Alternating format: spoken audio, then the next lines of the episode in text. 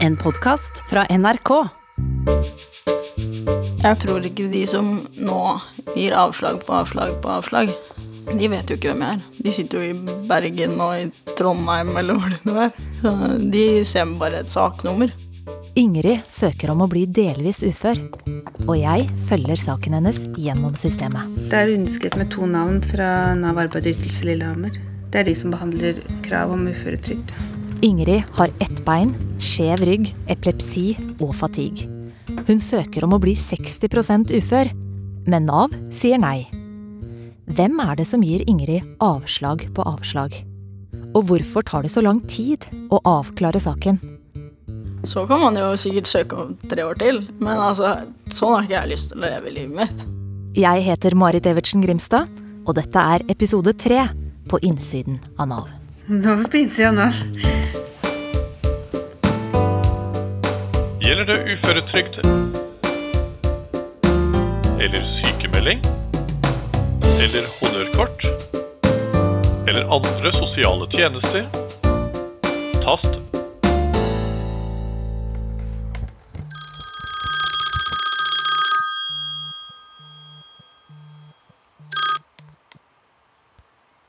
Hallo, Ingrid. Hallo! Hei. Hva skjer da? Det er juni 2021, og Ingrid Djupskås er innkalt til et møte. Nei, eh, nå skal jeg i et møte med Fretex. Og så skal de eh, fortelle hva svaret på rapporten blir. Ja. Hva de mener at jeg kan arbeide. Om de mener jeg kan arbeide mer enn eh, de 40% jeg nå arbeider. Eller eh, mindre. Ingrid har jobbet ett og et halvt år som svømmelærer på to barneskoler i Lier. Og hun har akkurat vært på sitt tredje tiltak for å avklare arbeidsevnen. Nå skal hun få vite hva som står i tiltaksrapporten. Hvis de kommer med et veldig klart svar, så er jo det en en hjelpende hånd for de som skal avgjøre da, saken. Denne gangen er det en fra Fretex som har fulgt henne på jobb. Fretex er et av selskapene som Nav bruker når de skal gjennomføre ulike tiltak. Nå har de observert henne i bassenget med elevene, og intervjuet både henne og rektor for å finne ut hvor grensa til Ingrid går. Jeg gruer meg jo mest til hva han har ment. Det er jo hans, hans mening som er det som teller. Og det er jo mange som sier én ting og skriver en annen ting. Det er jo det som er det verste. Det som skrives i rapporten, kan bli avgjørende for om Ingrid får innvilget 60% ufør. Hun har allerede klaget til Trygderetten. Der er behandlingstiden 9 til 14 måneder. Du vil jo ikke få saken til å gå noe fortere heller. Ventetiden er det den er i Trygderetten, og det kan vi dessverre ikke gjøre så mye med. Ingrid er vant til å få avslag. Hun fikk avslag på sin første uføresøknad i 2015, og på den andre i 2019. Hver gang har det utløst klager, anker og nye behandlinger. Og hver gang har det endt med nye avslag. I disse rundene har sakspapirene vært på tur mange steder i landet. Dokumentene er skrevet under av saksbehandlere i Trondheim, Lillehammer og Bergen. Når Hege som veileder har gjort alle utredninger hun mener er nødvendig, sender saken videre i systemet til de som fatter vedtakene. Det som skjer da Når hun får et avslag, så klager hun, og så ser den enheten som har behandlet klagen, ser på den på nytt.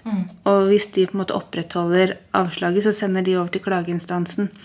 Og når da klageinstansen også opprettholder det avslaget, så sender de over til Trygderetten. Sånn at det er, eh, sånn, Da blir det tre på en måte, enheter som skal gjøre den vurderingen. da. Nav er stort. Det har 19 000 ansatte, og det fattes 4 millioner vedtak i året. Ingrids sak er bare en av mange som sendes fra den ene enheten til den andre. Lang ventetid for dem som søker uføretrygd. Nav og Trygderetten beklager. Mange har mottatt arbeidsavklaringspenger altfor lenge uten å bli ferdig avklart.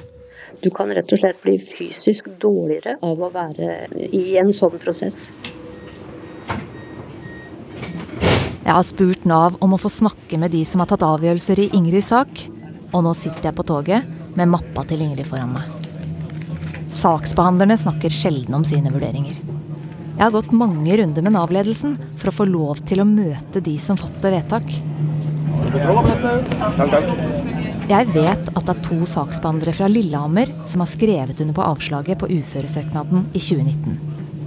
Nå har Nav bedt meg om å komme til Hamar. Neste stasjon er Hamar.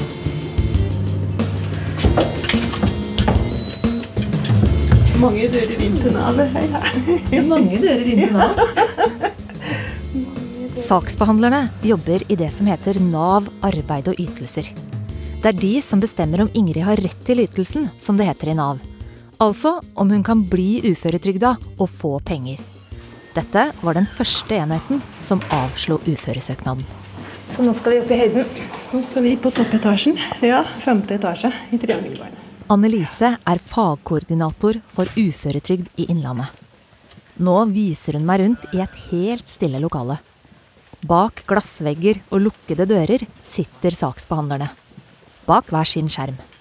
Hit kommer ingen brukere. De som er rundt oss nå, de sitter nå og behandler søknader. De som sitter rett bak oss her, eh, sitter og behandler søknader på dagpenger.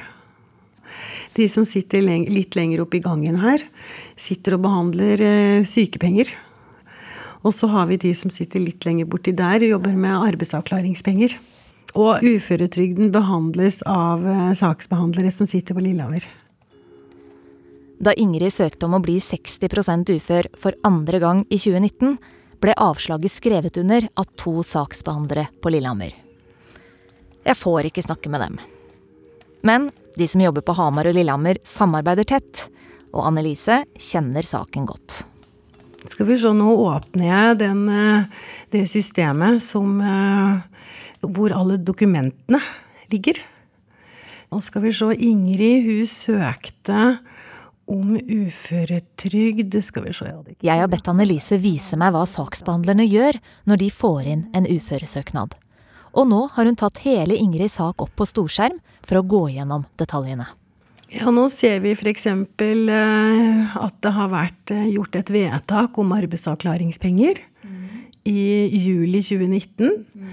Vi ser at det er mottatt en legeerklæring i juni 2019. Mm. Vi ser at det er innvilga noen hjelpemidler. Men tilgangen til å se innholdet i de vedtakene, det har ikke jeg. Vi har jo veldig streng taushetsplikt, så derfor så var det litt greit å vise deg at internt så har vi jo òg sånn at vi har faktisk ikke tilgang til dokumenter vi ikke har behov for. Nei.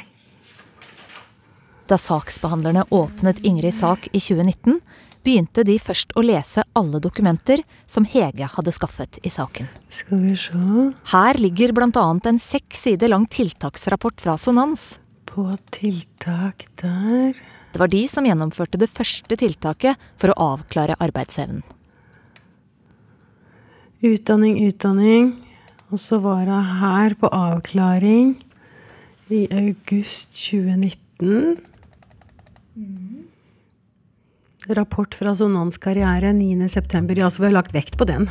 Mm. På dette tidspunktet var Ingrid inne i sitt siste halvår på lærerutdanninga. Sonans har kartlagt livet hennes på skole, jobb og fritid. Rapporten konkluderer med at Ingrid vil ha behov for en redusert stilling. Grunnen til at Ingrid fikk avslag, det var Ingrid hadde jo gjennomført et eh, lengre utdanningsløp. Eh, blitt utdanna som eh, lærer.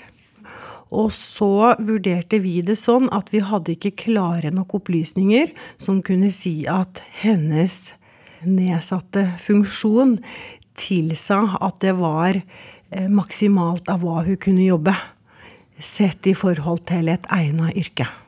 Er det det at hun fortsatt er i utdanning som er problemet? Ikke nødvendigvis. Vi kan også sette i en innvilgende uføretrygd om en person er i en utdanning, men vi må ha helt klart svar på ved en søknad og en behandling av uføresøknaden er dette her det eneste riktige. Annelise viser meg hvilke dokumenter de har sett på, hvem de har kontaktet underveis, og hvilke andre opplysninger de har hentet inn. Samme dato som vi registrerte den, Da oppdaga vi at hun er i en deltidsstilling, og da trengte vi opplysninger om inntekta til Ingrid. Så da ba vi om det den dagen vi journalførte og registrerte den søknaden. Gjennom studietiden hadde Ingrid en liten deltidsjobb som svømmeinstruktør på kveldstid. Det var sånn hun holdt kontakt med svømmemiljøet etter at hun sluttet på landslaget. I rapporten beskrives dette som hennes eneste hobby og eneste sosiale omgang med andre mennesker, bortsett fra nær familie. At Ingrid klarer å ha en deltidsjobb som svømmeinstruktør ved siden av studiene, gjør at Nav stiller spørsmål ved den totale arbeidsevnen. Hvor mye vil hun da klare å jobbe til sammen når hun er ferdig med studiene? Vi mente at det burde gjennomføres en kartlegging av arbeidsevnen etter at hun begynner i jobb som lærer. Og da vil det være hensiktsmessig å vurdere stillingsandel, arbeidstid og andre tilrettelegginger som kan være med å avklare stillingsandelen som hun kan fungere i over tid. Tror dere på dette tidspunktet at hun kanskje kan jobbe 100% Nei, det, kan, det tror vi nok ikke sett ut ifra eh, altså sykdomsplagene og sånne ting. Men når man skal sette en uføregrad, så må man være helt klar på at det her er det riktige. Det her er, de to, det, her er det to streker under svaret på at dette her er det varige inntektstapet for Ingrid, da, eller forbrukerne våre. I desember 2019 hastet det for Ingrid å få en avklaring. Hun hadde nådd maksgrensen for arbeidsavklaringspenger og sto i fare for å miste støtten fra Nav. Mm, da hadde hun nådd maksgrensa på arbeidsavklaringspenger. I løpet av noen få uker rett før jul fikk Ingrid først avslag på uføresøknaden, og så mistet hun arbeidsavklaringspengene. To avslag fra to forskjellige avdelinger i Nav. Jeg lurer på om saksbehandlerne tar hensyn til Ingrids situasjon når de fatter sine vedtak.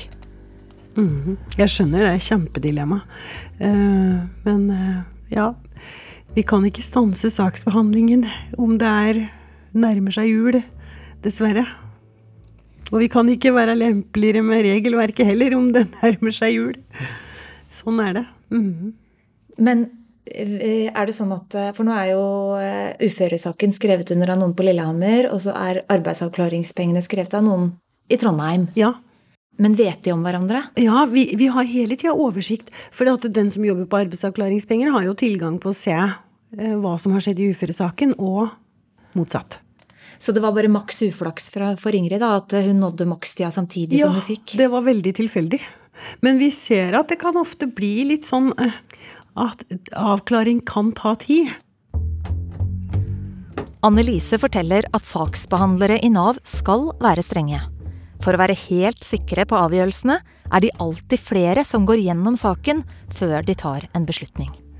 Vi sitter ikke og finner på dette her. Dette her er, eh, forvalter vi i henhold til det lovgiver har, eh, har gitt oss beskjed om. Ingrid er oppgitt over at de som tar avgjørelsene, ikke kjenner henne. For dem er jeg bare et saksnummer, sier hun. Og det stemmer. Saksbehandlerne skal ikke møte brukerne. De skal bare lese dokumenter. Annelise mener det sikrer en rettferdig behandling for alle. Vi kjenner ikke eh, noen av, eh, av søkerne. Men vi leser det som har betydning for å avgjøre søknaden. Men vi er helt avhengig av å ha alt dokumentert.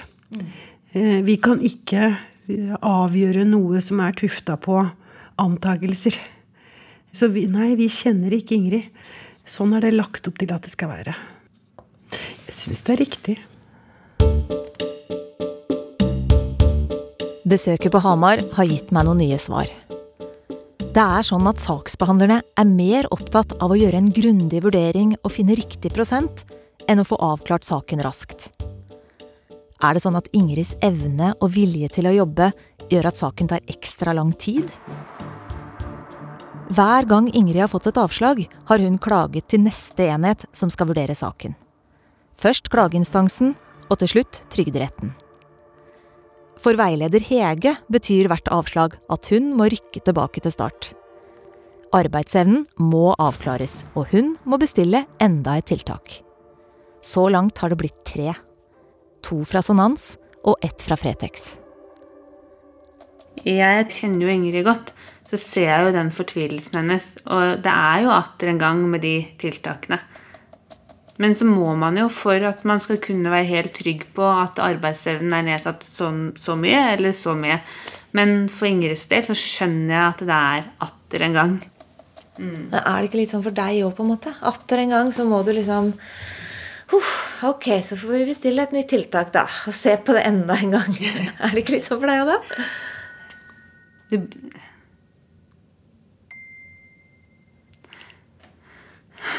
det, det, oppleves jo litt sånn. Det mm. kan jo oppleves sånn, fordi man har jo gjort en vurdering. Man har jo vurdert at eh, arbeidsevnen din er varig nedsatt. Jeg blir veldig sliten av å liksom ha en som tusjer tre meter bak meg, eh, omtrent. Det er jo litt måten han er på. da. Han er litt sånn overmorsom.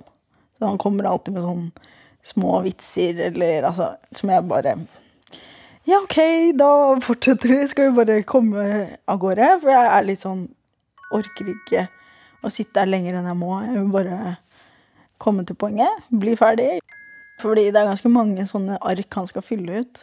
Dette er jo da tredje gangen som jeg gjør det. Det kan jo være frustrerende. Fordi at jeg har gjort mine vurderinger, og jeg tenker at jeg kjenner henne godt, da. Um, så det er jo litt frustrerende når noen da sier at ja, men her At dette er ikke godt nok mm. eh, avklart, da. Men føler du litt sånn at det kommer noen andre i systemet og klapser deg litt på hånda? liksom, Nå gjorde du en litt, litt ufullstendig jobb her? Egentlig ikke. Nei. Nei. men, men, sånn er det jo i et system der man ikke har vedtaksmyndighet. Man skal bare gjøre en innstilling så er det viktig for meg å si at vi vurderer jo ikke retten til uføretrygd. Vi vurderer kun arbeidsevnen, om den er varig nedsatt eller ikke. Ingrid er også frustrert. Nav vil at jeg skal Jeg tror ikke de med vilje vil det, men sånn som jeg oppfatter av og til, så vil de at jeg skal jobbe 100% til det går på snørra, og er sykemeldt i et år. Sånn at vi kan begynne derfra. Jeg har spurt Nav om å få møte Klageinstans Vest i Bergen. Det var de som avslo den siste klagen til Ingrid, før saken ble sendt videre til Trygderetten. Mens jeg venter på svar, har jeg planlagt noe som er litt uvanlig i Nav-sammenheng. Er. Greier du å trykke på tå, og så åpner man det? Skal vi det. Tåk, og så nærmest skotskapet. Jeg er på besøk hos Ingrid og har bedt Hege om å møte oss der for å snakke om saken. Den som er nærmest skotskapet, lås på. Nøkkel. Der, ja. Hallo. Hei, hei. Hei, Ingrid. Hallo. Trykk på. Jeg må bare ta på meg et par sokker, tenkte jeg. Ja, ja. Så hyggelig at du kunne komme hit. Eh, har du vært her før? Ikke hos Ingrid. Nei. Mm. Det er spennende å komme hjem til deg. Få litt annet ja. inntrykk. Mm. Både Ingrid og Hege har hatt denne saken med seg i seks år nå. For Hege er det jobb, for Ingrid er det livet. Jeg følte at i starten så var det litt sånn at jeg følte at jeg kom ikke noen vei. Mm. Men eh, så tror jeg kanskje jeg har jo blitt litt mer voksen. Så jeg har skjønt at det er et system i veien som, som ingen av oss kan gjøre noe med. Mm. Og nå er det jo Altså, nå har vi jo kommet Vi er jo på samme side, og vi jobber mot samme sak. Vi bare sitter på hver vår side av en vegg, da. Mm. Dessverre. Og den veggen er veldig tjukk. Hva slags vegg er det? Nav. jeg, føler, jeg føler, at jeg kjenner deg ganske ja, godt. Ja, du gjør det. Ja. Og du har jo mm. blitt enig om at uh, at du ser hvorfor, eh, hvorfor jeg skal bli uføretrygda. Mm. Men jeg tror ikke de, de som nå gir avslag på avslag på avslag, de vet, de vet jo ikke hvem jeg er. De sitter jo i Bergen og i Trondheim eller hvor det nå er. Ja, ikke sant. Så de ser bare et saksnummer. Og, og, det skjønner jeg at det sånn oppleves det, for de ser jo kun papirene, ikke sant. Mm. Men samtidig så tror jeg de forsøker å se hvem mennesket er det som er bak alle disse papirene som vi sitter med, da. Ja. Ja, de er jo ikke bare maskiner, de heller. De er jo mennesker nei. som prøver liksom å tenke og forstå og, og vurdere da om man fyller vilkåret eller ikke. Selv om Ingrid har gått på det ene tiltaket etter det andre, er arbeidsevnen fortsatt ikke godt nok avklart for saksbehandlerne. Ingrid ser ikke enden på saken.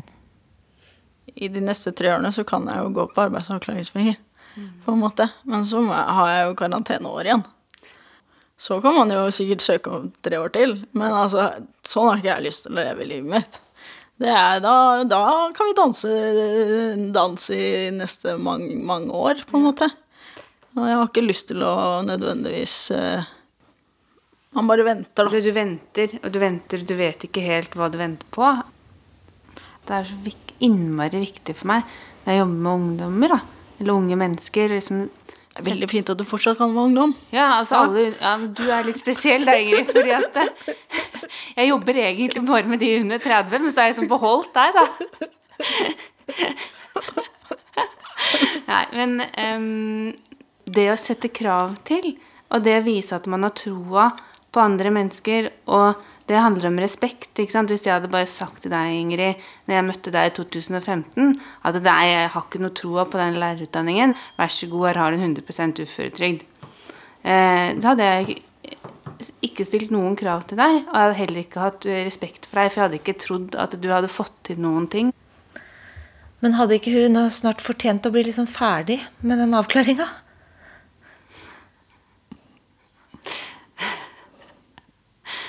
Vi skal se hva vi får til. Ja. Ja. Jeg tror ikke Hege kan eh, trylle i løpet av kort tid, men eh, vi kommer nok i mål en gang.